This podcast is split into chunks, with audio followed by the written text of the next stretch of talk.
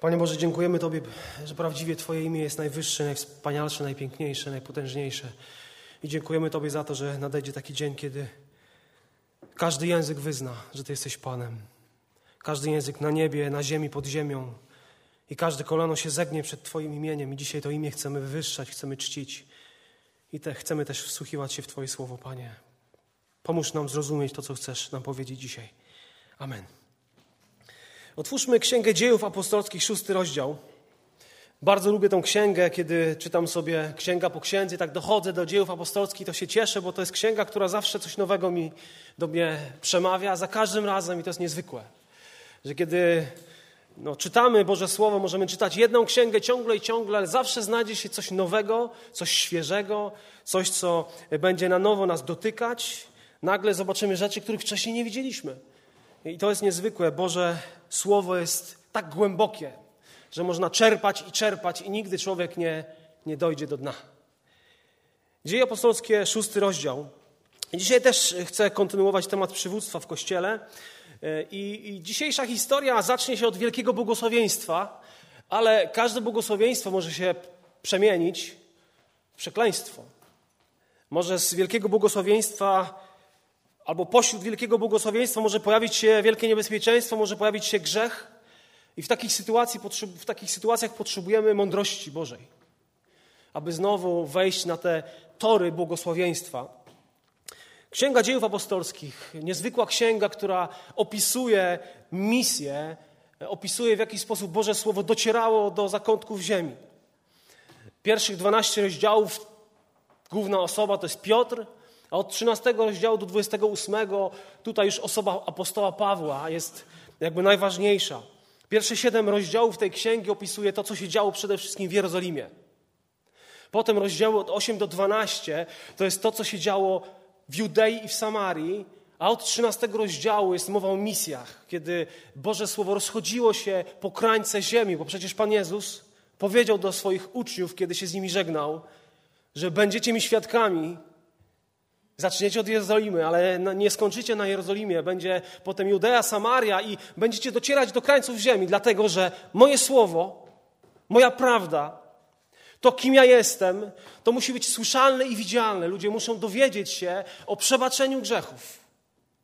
I to poselstwo szło coraz dalej i dalej.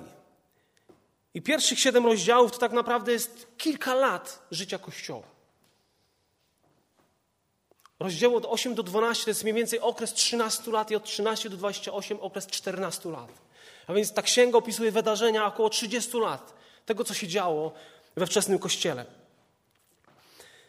Charles Swindoll powiedział takie, takie słowa. Każdy problem jest okazją do udowodnienia Bożej mocy. Każdego dnia napotykamy niezliczone złote okazje, znakomicie zamaskowane jako problemy nie do pokonania.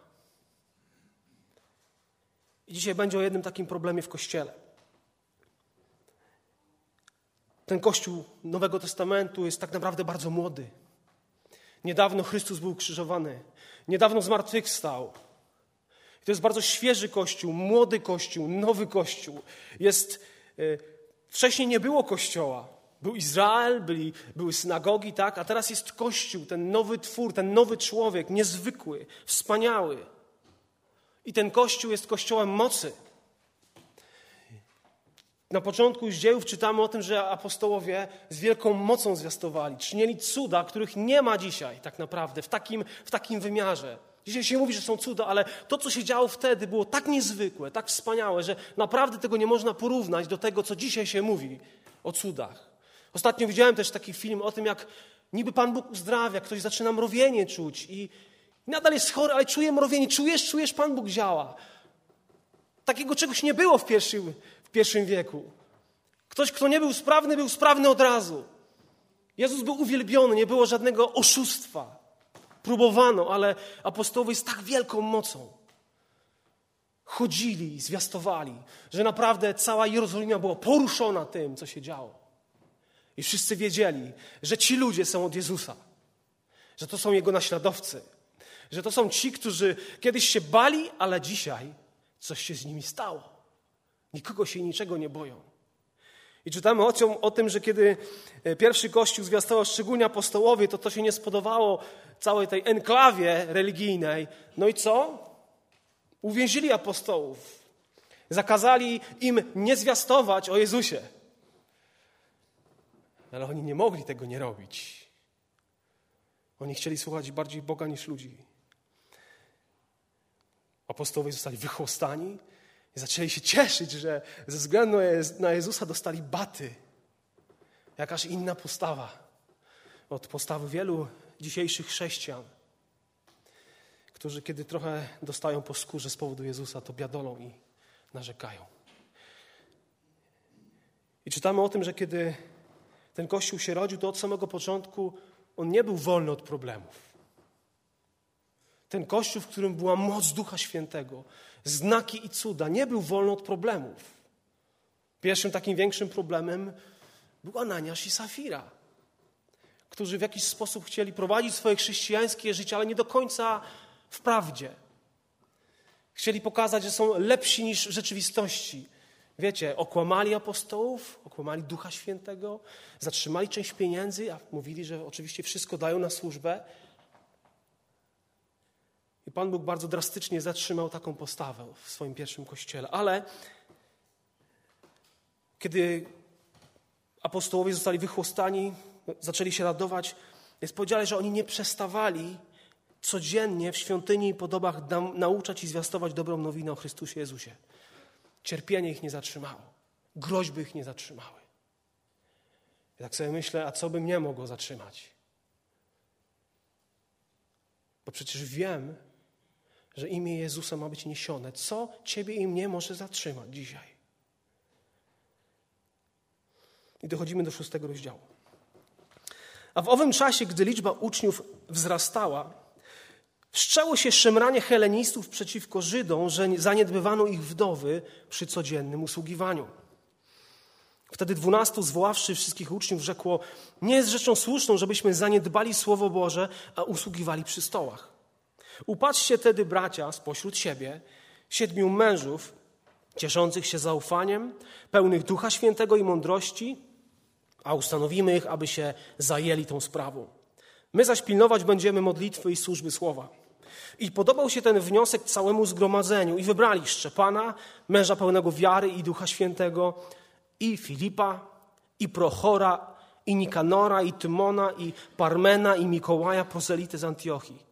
Tych stawili przed apostołami, którzy pomodlili się i włożyli na nich ręce. A Słowo Boże rosło i poczet uczniów w Jerozolimie bardzo się pomnażał, także znaczna liczba kapłanów przyjmowała wiarę. To jest opis wczesnego życia Kościoła, w którym widzimy wspólnotowe życie. Pierwszy Kościół, zobaczcie, troszczył się o siebie nawzajem. Rzeczą niemożliwą było to, żeby apostołowie biegali po wszystkich dołach, domach. Każdy troszczył się o siebie nawzajem i to było takie zaraźliwe, to było takie mocne. Pamiętacie, ile osób się nawróciło tego dnia, kiedy Piotr zwiastował po raz pierwszy? Ile osób się nawróciło? Trzy tysiące. W czwartym rozdziale czytamy o tym, że liczba samych mężczyzn w kościele, w tym pierwszym kościele, wzrosła do około pięciu tysięcy. Ten kościół się rozwija. W tym czasie, kiedy ten, czytamy szósty rozdział, mogło być między 20 a 30 tysięcy wierzących ludzi, którzy byli odrodzeni z Bożego Ducha Świętego. I ci chrześcijanie naprawdę byli coraz bardziej znani w świecie. Ludzie bali się przyłączać do kościoła, bo taka wielka była bojaźń Boża, bo pamiętano y, tego Ananiasza i Safirę. Nie było takich, wiecie, malowanych chrześcijan wtedy. Ludzie się bali. Pan Bóg działał przez, y, czynił cuda przez ręce apostołów, ale pojawiały się problemy. Między innymi w tym wersecie pojawił się problem, którego wcześniej nie było, kiedy było 3 tysiące wierzących, 5 tysięcy, ale kiedy jest 20-30 tysięcy, to coś może się posypać.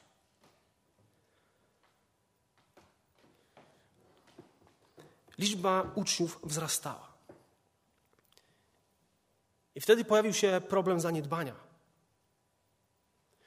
Prawdopodobnie to było nieświadome zaniedbanie. Heleniści to, to byli Żydzi, którzy mówili po grecku, dla których bliska była ta grecka kultura. Część z nich nie mówiła po aramejsku. I byli też Żydzi, rodowici Żydzi z Jerozolimy, mówiący po aramejsku. Duża liczba takich Żydów też mówiła po grecku. I między tymi grupami, helenistami, rodowitymi Żydami był pewien problem. Być może też chodziło o takich Żydów też z rozproszenia, z diaspory, który, którzy no nie urodzili się, nie byli tutaj w Jerozolimie, może przyjechali. I był problem między nimi a tymi rodowitymi Żydami. I kiedy tak wspaniale Kościół się rozwijał, kiedy ludzie się nawracali, kiedy Słowo Boże rosło, widzimy, że małymi krokami zaczyna, jakby diabeł próbuje wtargnąć do Kościoła. Zobaczcie w jaki sposób. Poprzez podział, poprzez pewnego rodzaju zamieszanie. Ewidentnie heleniści wtedy byli w mniejszości w tym kościele. I kiedy czytamy Stary Testament, wiemy, że no, był pewien wymóg troski o sieroty, wymóg troski o wdowy, o ludzi potrzebujących. Była wspaniała rzecz, była wtedy pomoc charytatywna, tak, w, w, w, tym czasie, kiedy, e, kiedy ta liczba wzrastała, ale nie wszyscy tą pomoc otrzymywali. Żydzi sobie pomyśleli, że no przede wszystkim trzeba się zatroszczyć o nasze wdowy, te z Jerozolimy, te, które tutaj rodowite są, tak, my je znamy, to jest nasza przede wszystkim odpowiedzialność. No i dobra postawa, trzeba się o swoich troszczyć. Ale te wdowy heleńskie były pomijane. I to zaczęło rodzić problemy. Pojawiała się pewnego rodzaju cielesność, no bo działo się coś, co mogłoby się jakby dziać lepiej. Bo była jakaś służba dystrybucji, tak, żywności, służba pomocy, ale to mogło działać lepiej. A z racji też, że Kościół się rozrastał, to potrzebna była pewnego rodzaju organizacja, jakaś struktura, żeby to jakoś ująć. I taka struktura musi być, praktycznie jest w każdym kościele, to musi być taka administracja, która pomoże życiu kościoła, a nie będzie tłamsić to życie.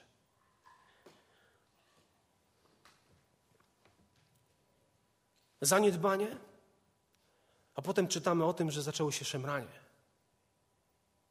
Zaczęły się dyskusje domowe. Tak nie może być. Dlaczego tak się dzieje? Jest różnica. Jedne są faworyzowane, a my nie, my jesteśmy zapomniane. To jest czas, kiedy Duch Święty działa z mocą w tym kościele i w tym samym czasie pojawia się szemranie.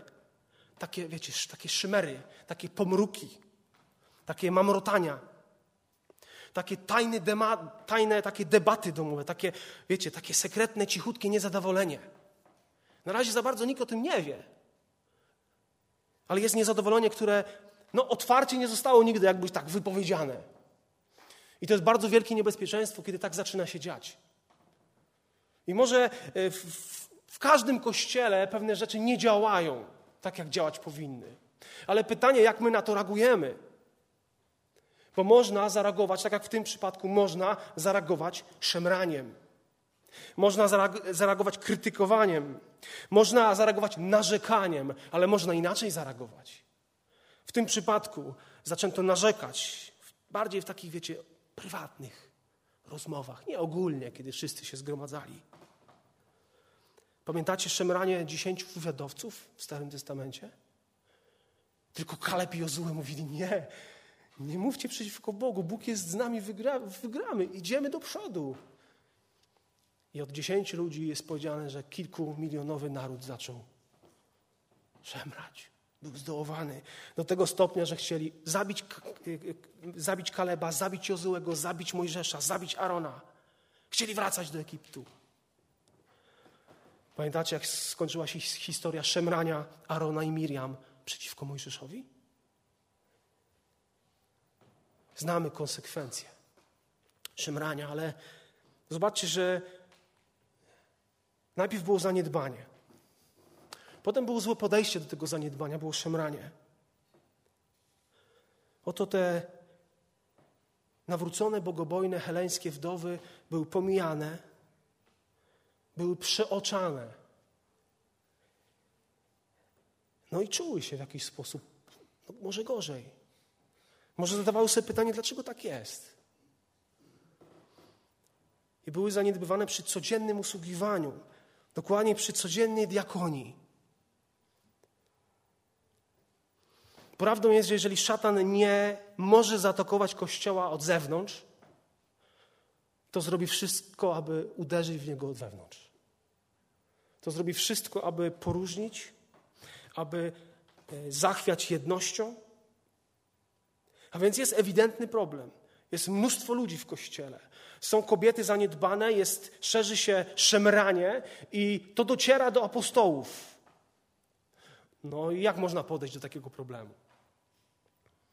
Być może no, niektórzy mają tendencję do tego, żeby zamiatać trochę pod dywan. Może później, może później, może później. A tego syfu się potem zbiera tak dużo, że trudno jest w ogóle za cokolwiek się zabrać.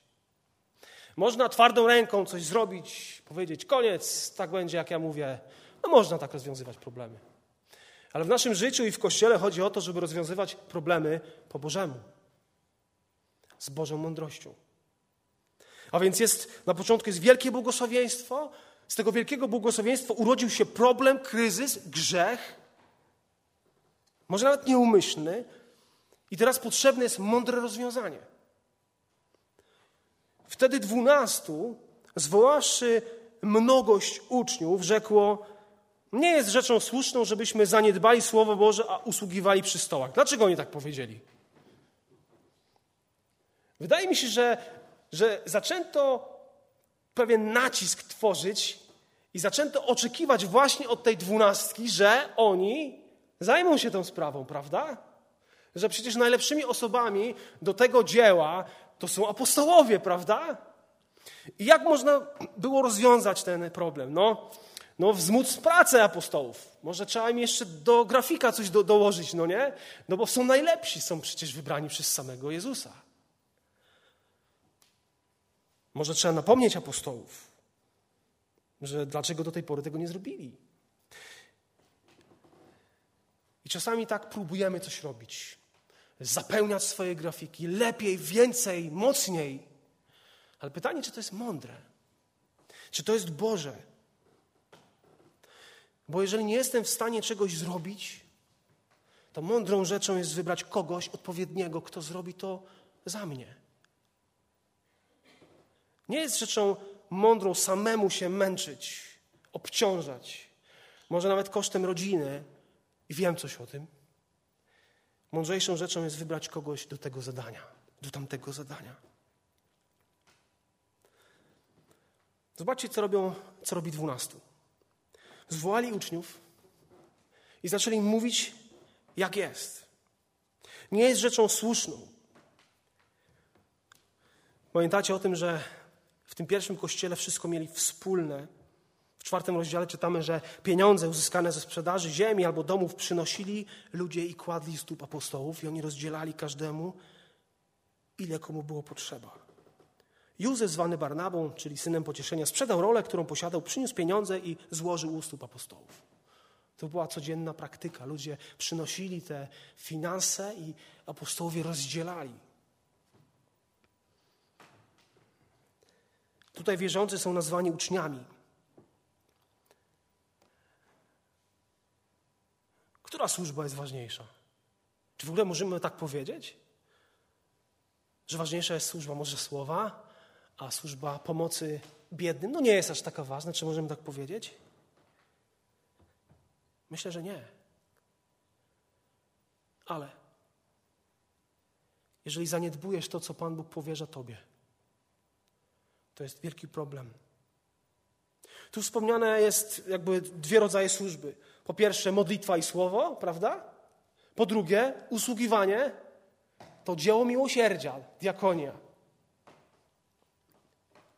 I to słowo diakonia często występuje w Nowym Testamencie. Oznacza służbę, usługiwanie. I bardzo szeroko jest, y, jakby to oznacza to słowo. Kilka fragmentów z Nowego Testamenta o diakonii. Posłuchajcie. Na przykład Marta krzątała się koło różnej diakonii i wtedy przyszła do Jezusa i powiedziała, ty się nie troszczysz, że ja przy tej diakonii jestem sama? To jest to słowo. Dzieje apostolskie 1,17, kiedy mowa była o Judaszu i potem o Macieju, bo został on zaliczony do naszego grona i miał udział w tej diakonii. Zobaczcie, że służba jest diakonia użyta w kontekście służby apostołów. Dzieje 20-24, Paweł. Lecz o życiu moim mówić nie warto i nie przywiązuję do niego wagi, bylebym tylko dokonał biegu mogę, mego i diakonii, którą przyjąłem od Pana Jezusa. Dzieje 21. Pozdrowiwszy ich, wyłożył im szczegółowo, czego Bóg dokonał wśród pogan przez jego diakonię.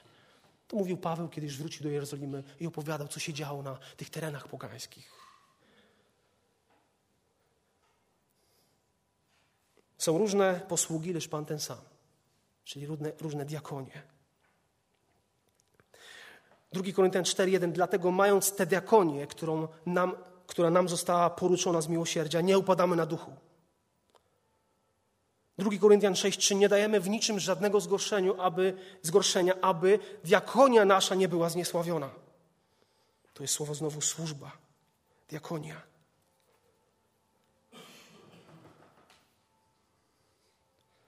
Drugi Koryntian 11:8 Inne zbory złupiłem, przyjmując pomoc pieniężną, by wam mógł diakonię wykonać, usłużyć.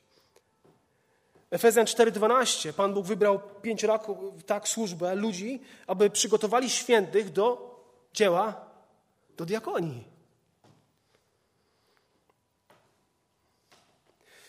Kolosan 4:17 Powiedzcie też Archipowi, bacz, abyś wypełnił posługiwanie, które otrzymałeś w Panu. I z objawiania też. Jezus mówi tak, znam uczynki Twoje, miłość i wiarę i Twoją diakonię. I znam Twoją wytrwałość i wiem, że ostatnich uczynków Twoich jest więcej niż pierwej. To słowo służba, diakonia bardzo często się pojawia w kontekście różnej służby. Tu jest mowa o dwóch służbach diakonijnych. O diakonii modlitwy i słowa i o diakonii dystrybucji, pomocy potrzebującym. Co jest dzisiaj Twoją diakonią? Co jest dzisiaj Twoją służbą? Powiedz mi, co, co leży na Twoim sercu? Co jest dzisiaj Twoim usługiwaniem? Czymś, co Pan Bóg naprawdę kładzie na Tobie na sercu. I możesz powiedzieć, moją diakonią jest.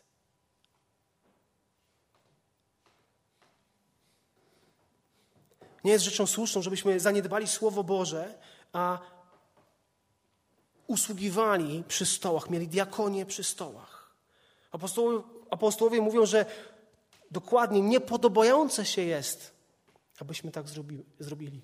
Komu się to nie będzie podobać? Jeśli oni zostawią służbę słowa. Komu? Bogu.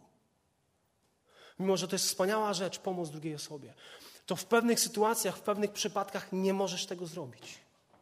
Dlatego, że są obok ciebie ludzie, którzy z chęcią mogą to zrobić ale ty musisz realizować swoje powołanie, które Pan Bóg ma dla każdego twojego, swojego dziecka.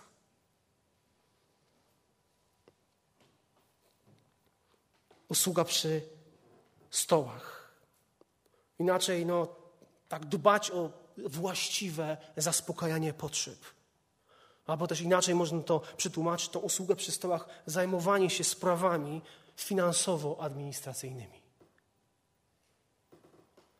I to słowo stół, tak, służba przy stołach. To jest ciekawe słowo, dlatego że ono odnosi się zarówno do tego, wiecie, stołu, który, na którym jest jedzenie, przy którym się je, ale również to słowo oznacza stół transakcji finansowych, gdzie były finanse. I widzimy, że tym właśnie zajmowali się między innymi apostołowie.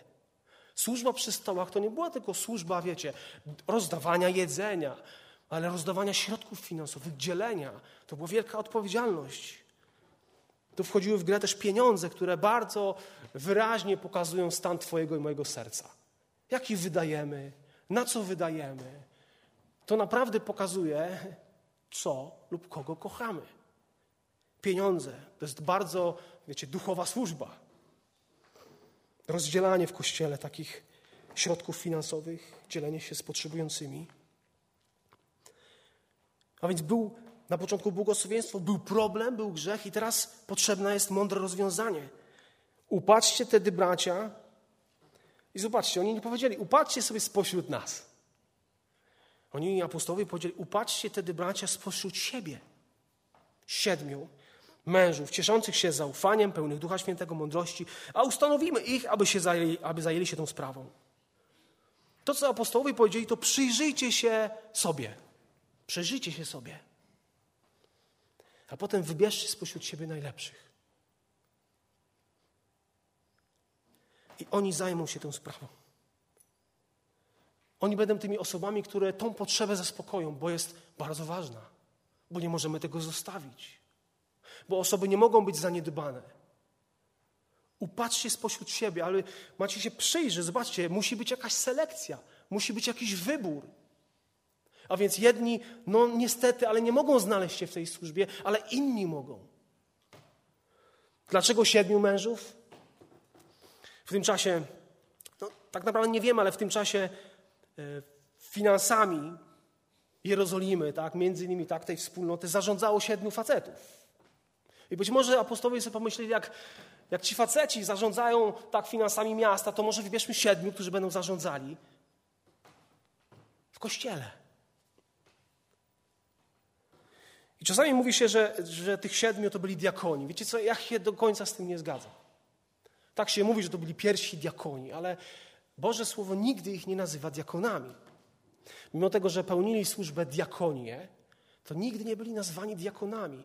Więc myślę, że to byli jakby szczególna grupa ludzi, która była powołana do bardzo konkretnego zadania. Myślę, że nie można ich porównać do tych późniejszych diakonów, bo pamiętacie, to były początki chrześcijaństwa. Nie było jeszcze wtedy diakonów, za bardzo starsi też nie funkcjonowali. W, w, no, byli wtedy starsi, tak, ale Ewangelia powoli zaczyna e, iść do przodu i kiedy tak trafiała na te tereny pogańskie, wtedy zaczęto wybierać starszych diakonów, ale wtedy nie było służby diakonijnej.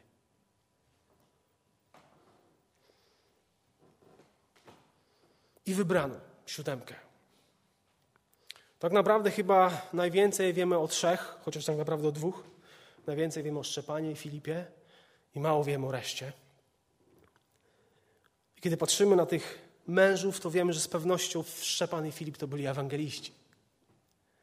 I widzimy, że później Pan Bóg ich używa. Nie ma ich przy stole, ale Pan Bóg ich pcha dalej do zwiastowania Ewangelii. Jakie cechy mieli mieć ci ludzie? Zobaczcie, charakter był najważniejszy. To są ludzie, którzy mają cieszyć się zaufaniem. To mają być ludzie charakteru. To, są, to mają być ludzie, którzy mają szacunek u ludzi. Po drugie, to mają być osoby pełne Ducha Świętego. Musi w ich życiu być widać tą duchowość Bożą. A więc wiarę, tak, owoce Bożego Ducha Świętego. To muszą być ludzie, którzy są poddani Duchowi Świętemu, którzy są pod wpływem Ducha Świętego, są pełni Jego. I to muszą być ludzie praktycznej mądrości. A więc zobaczcie fundamentalne wymaganie. Muszą być osobami wrażliwymi na Ducha Świętego. To muszą być ludzie wrażliwi, polegający, będący pod wpływem Ducha Świętego. To jest ta cecha, o której można zapominać w kościele, wybierając różnych przywódców, różnych ludzi do służby. To jest służba przy stołach, dystrybucja finansów. Naprawdę takie wysokie kwalifikacje? Ja myślę, że to są kwalifikacje do każdej służby, do każdego dzieła. Zaufanie, pełnia Ducha Świętego, praktyczna mądrość. To muszą być ludzie w służbie, którzy patrzą na rzeczy nie z ludzkiego punktu widzenia, ale patrzą na rzeczy z duchowego punktu widzenia, z Bożego punktu widzenia. To, są, to muszą być ludzie, którzy naprawdę potrafią zobaczyć ten duchowy ładunek, tą duchową sprawę. Pośród może tylu obowiązków muszą być w stanie widzieć osobę w służbie. Konkretną osobę, a nie dzieło, że trzeba wykonać, a więc galopują ludźmi, nie?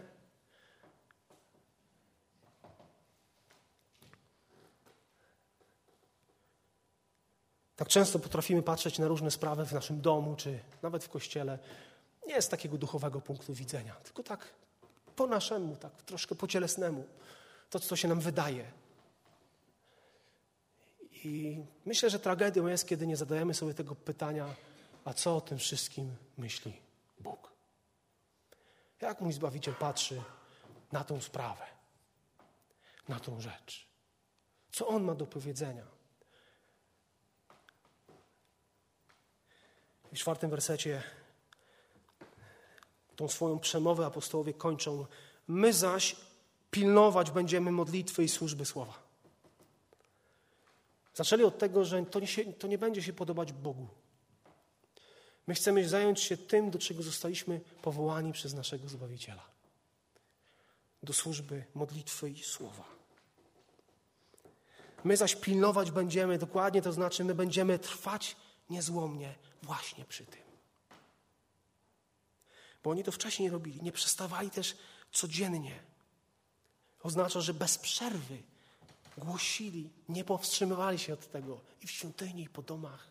Ciągle słowo rosło, ciągle słowo musiało być zwiastowane. My pilnować będziemy modlitwy i służby słowa, i to jest priorytet. Myślę, że to jest priorytet przywódców. Skupić się na modlitwie i na Słowie Bożym. Myślę, że modlitwa musi poprzedzać, poprzedzać każdą służbę. Modlitwa. Czasami ludzie zadają pytanie, no nie wiem do końca, y, co mogę robić w kościele. Pierwsze pytanie, czy modlisz się o to? Czy modlisz się do Boga, Boże, co? W czym mnie widzisz? Każda służba musi być, wiecie, nasączona modlitwą. Jeśli chcesz znaleźć swoje miejsce w kościele, zacznij się modlić. Zacznij prosić Boga. Pamiętam, kiedy ja się nawróciłem i Wiecie, cały kościół przede mną otworem. Można śmieci wyrzucać, można myć podłogi, tak się robiło, i y, w kominku y, rąbać drewno, i kiedy młodzież się zbiera, można rozpalić, i można za kazanicą być, no ale trzeba mieć co powiedzieć, trzeba być człowiekiem charakteru, i można tyle rzeczy robić. Boże, do czego Ty mnie powołałeś? Bo tak naprawdę no, jestem w stanie zrobić wszystko. No.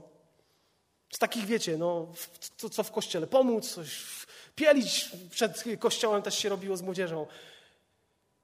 Ale do czego mnie powołujesz? Do czego Pan Bóg Ciebie powołuje? Co Ci w sercu gra? Heniek trochę powiedział tydzień temu. O działaniu, o służbie, o pasji, o zdolnościach.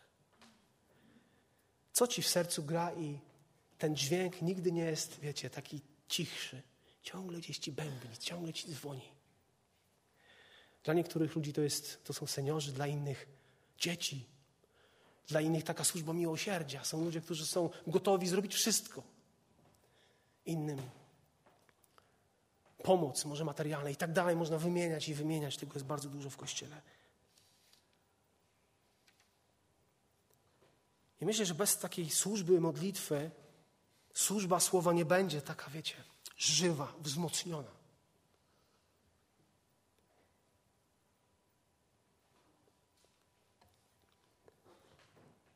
Żyjemy w ciekawych czasach, w których kiedy Kościół szuka pastora, to kogo szuka? Jak myślicie? Szuka menadżera. Menadżera firmy, bo większość zborów no, zazwyczaj ma jakiś budynek, a więc są opłaty, to wszystko. Więc szukają menadżera. Najlepiej, żeby też to był świetny organizator, jakiś wizjoner, który jeszcze zarazi nas, no nie? No i no, musi być, wiadomo, dobrym nauczycielem, duszpasterzem, no ale przede wszystkim ma dobrze zarządzać całym Kościołem. I rezultatem tego wszystkiego, kiedy się wybiera taką osobę, może być to, że Kościół może cierpieć. Kiedy przywództwo nie ma czasu na słowo. Bo firma, która się nazywa Kościołem, no, musi działać. I aby ten Kościół na Zagórnej nigdy nie stał się taką firmą, w której są cele ważne i się działa ale pomija się to, co jest Boże. My będziemy pilnować modlitwy i służby, czyli diakonii słowa. Służba słowa, tak bardzo ważna w pierwszym kościele, i ta służba słowa i modlitwy musi też być ważna y, dla nas dzisiaj. Również służba pomocy potrzebującym jest bardzo ważna. Apostołowie wiedzieli, co jest ich powołaniem, i powiedzieli, zobaczcie, co powiedział też później Paweł do Tymoteusza. Mówi tak, to głosi, tego nauczaj. Dalej w czwartym rozdziale, trzynastym wersecie mówi pierwszego listu do Tymoteusza, dopóki nie przyjdę, pilnuj czytania, napominania, nauki. Jeżeli chcemy wiedzieć, jak nauczać, to musimy czytać listy pasterskie. Paweł mówi, masz czytać, masz wyjaśniać tekst, a więc doktryna. I trzecie, masz napominać, masz stosować tekst. Tym się zajmuje kaz kaznodziejstwo ekspozycyjne. Czyta, wyjaśnia i uczy stosować. Głoś słowo, bądź w pogotowie w każdy czas, dogodny czy niedogodny, karć, grom napominaj, z wszelką cierpliwością i pouczeniem. Dla Pawła służba słowa była tak ważna, że powiedział, że tych starszych, którzy podejmują się zwiastowania słowa, tym ludziom należy się podwójna cześć. I wiecie, że wiązał to nawet z finansami. W Galacjan powiedział, a ten, którego się naucza Słowa Bożego, niechaj się dzieli wszelkim dobrem z tym, który naucza. Tak bardzo ważna była posługa Słowa, że jeżeli jest ktoś, kto naucza, to wspierajcie tego, tą osobę. Ja jestem wdzięczny Panu Bogu, że jako zbór mnie wspieracie w, w, w, moim pastorstwie i nie muszę dorabiać, nie muszę szukać, nie muszę tracić czasu na pracę w tym świecie. Mogę służyć tutaj. To jest wielkim błogosławieństwem, kiedy Kościół rozpoznaje, że pewne służby trzeba wspierać. Pewnych ludzi trzeba wspierać. Jeśli trzeba, trzeba wspierać finansowo. Peter Adams powiedział tak: Bóg przemówił, zostało to spisane, to słowo zostało spisane, głoś słowo. Bóg przemówił, zostało to spisane, a więc głoś słowo. I myślę, że tak łatwo dla przywódców, dla starszych, czy też dla diakonów w kościele o takie rozproszenie, o zajmowanie się rzeczami, którymi no nie powinni się zajmować. Apostołowie wiedzieli, że zajmowanie się tymi kwestiami finansowymi, usługiwanie podczas posiłku właśnie teraz, w tej sytuacji, w tym czasie, to odebrałoby im tą możliwość skupiania się na tym, co jest dla nich najważniejsze, co jest ich powołaniem. A więc jest błogosławieństwo, jest problem, pojawiło się bardzo mądre rozwiązanie, ale to nie wszystko. Bo trzeba teraz działać. Teraz potrzebne jest właściwe działanie. W piątym wersecie czytamy: I podobał się ten wniosek całemu zgromadzeniu. I wybrali Szczepana, męża pewnego wiary i Ducha Świętego, i Filipa, i Prochora, i Nikanora, i Tymona, i Parmena, i Mikołaja, prozelity z Antiochii. I spodobało się to wszystkim. To jest właściwe. To słowo się spodobało. To jest taka też ciekawostka, co znaczyły imiona tych ludzi. Szczepan. Wieniec korona, to znaczy jego imię. Filip.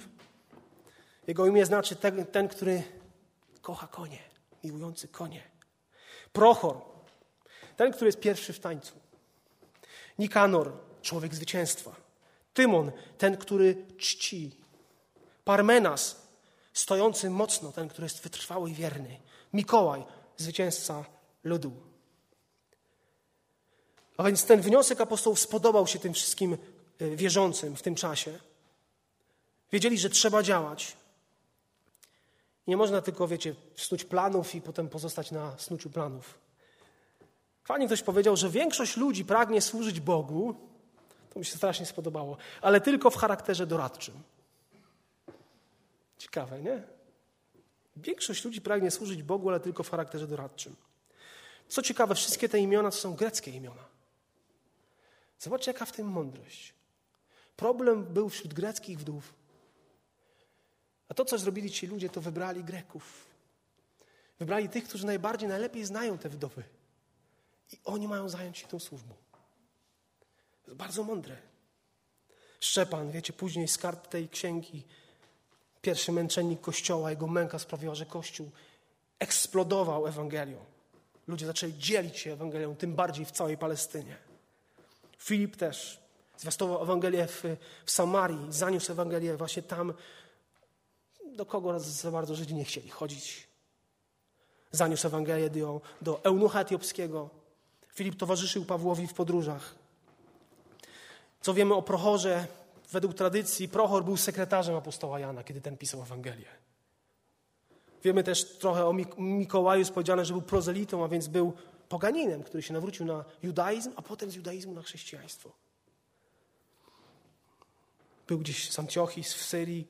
Antiocha wtedy była jednym z, chyba trzecie największe miasto Imperium Rzymskiego, zaraz po Rzymie i zaraz po Aleksandrii i stało się siedzibą kościoła, który, który chętnie, chętnie przyjmował pogan do kościoła.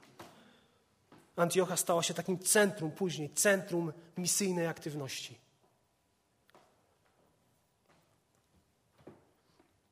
Siedmiu. Wybrano tych ludzi na znak tego, że apostołowie się zgadzają, włożyli na nich ręce. Powiedzieli, przyznajemy się do tego dzieła, błogosławimy was i wysyłamy z tą misją. Z tym zadaniem, które musi być wykonane. Błogosławimy was. Aprobujemy, wspieramy, utożsamiamy się z wami. Przekazujemy wam błogosławieństwo. No i zostali wybrani i zaczęli działać.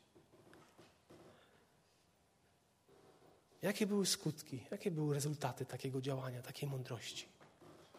Najpierw było błogosławieństwo, liczba rosła, pojawił się problem, było zaniedbanie, szemranie. Pojawiła się Boża mądrość tak, poprzez słowa apostołów. Wybrano tak, jak y, sugerowali apostołowie. Jaki był skutek tego dla Kościoła? Z pewnością te wdowy już nie były pomijane, a więc nie były już głodne, ale to nie wszystko. Zobaczcie, jak Boża mądrość jest niezwykła i najlepsza, najwspanialsza. Czytamy o tym. Nie jest powiedziane, że te wdowy były już najedzone. Ale zobaczcie, co ta księga mówi. Siódmy werset. To są rezultaty, skutki Bożej mądrości. Czytamy o wielkim błogosławieństwie, a Słowo Boże rosło i poczet uczniów w Jerozolimie bardzo się pomnażał. Także znaczna liczba kapłanów przyjmowała wiarę. Ci, którzy do tej pory byli zamknięci na Ewangelię, ta elita, kapłani zaczęli, być może kiedy zobaczyli, w jaki sposób tą sprawą się zajęto, kiedy zobaczyli, jak troszczą się ludzie, diakoni i w ogóle Kościół o siebie nawzajem, o te wdowy, byli poruszeni, bo przecież kapłani, między innymi też lewici, byli powołani do tego, żeby z dziesięcin mieli karmić wdowy, pomagać potrzebującym. Być może to ich tak dotknęło ta Ewangelia w takim praktycznym życiu ich tak bardzo dotknęła, kiedy w tym wszystkim słyszeli zwiastowanie z mocą i zaczęli się nawracać. Słowo Boże rosło i poczet uczniów bardzo się pomnażał. I wydaje się, że właśnie ta służba tych siedmiu była, y, miała wielki wpływ na rozwój Ewangelii. Czasami możemy y, chcieć, żeby y, służba słowa była dalej gdzieś szła, dalej, dalej, ale być może, być, być może trzeba zacząć od takich prostych rzeczy, jak pomoc wdowom. A wtedy ta służba słowa pójdzie dalej. Być może trzeba kogoś zastąpić. Być może trzeba wejść w swoje powołanie, w swoją diakonię i powiedzieć: Od dzisiaj to jest moją służbą. To jest moim zmartwieniem, a więc ty, bracie, ty, siostro, na razie tym się nie martw. Ja się tym martwię. Bądź spokojna.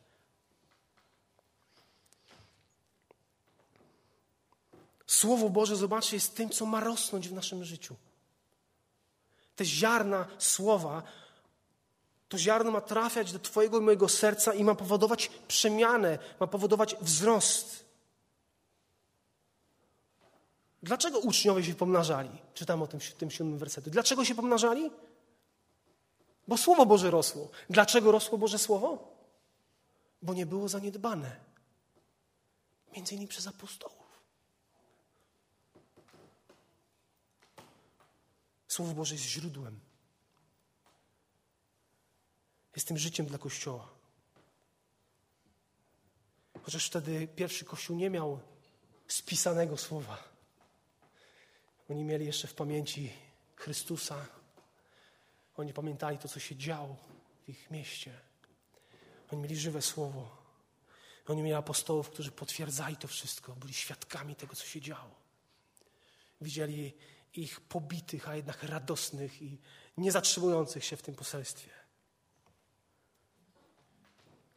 Kapłani przyjmowali wiarę. Coś w, tym, w tych ludziach pękało.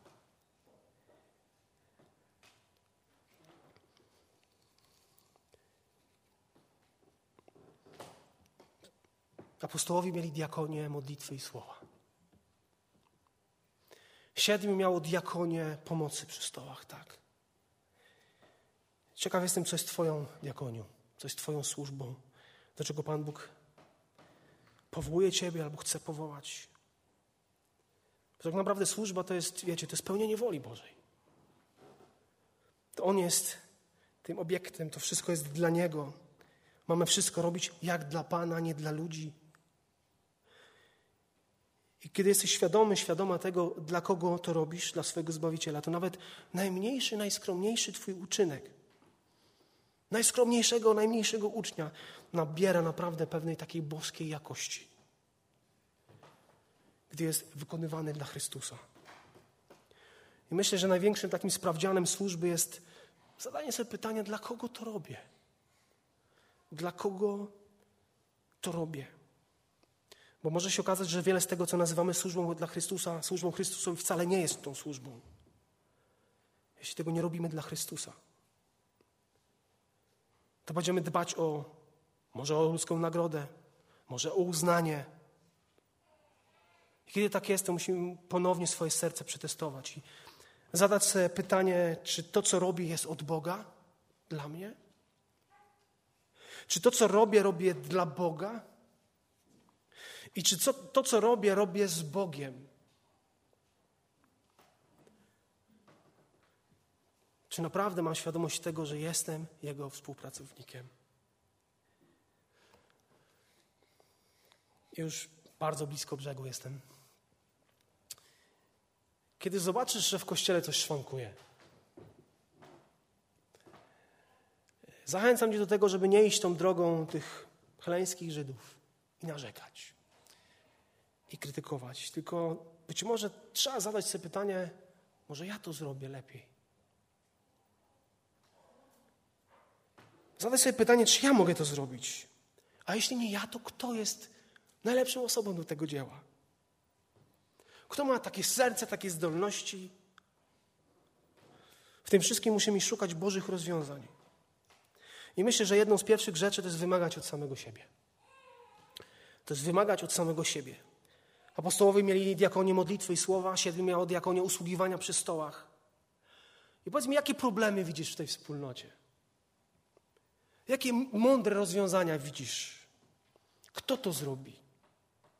Co jest Twoją diakonią? dzięki której będziesz mógł właśnie usuwać problemy. I to Boże błogosławieństwo będzie mogło iść dalej. Iść dalej. Życzę nam takiej mądrości. Takie, życzę każdemu z nas takich oczu, które widzą. Uszu, które, wiecie, słyszą. I to jest moje marzenie, abyśmy jako Kościół podejmowali bardzo mądre decyzje. które, kiedy spojrzymy pójść po czasie, to okaże się, że te decyzje były błogosławieństwem dla tej wspólnoty. Niech imię Pana Jezusa Chrystusa będzie uwielbione. Powstańmy do modlitwy.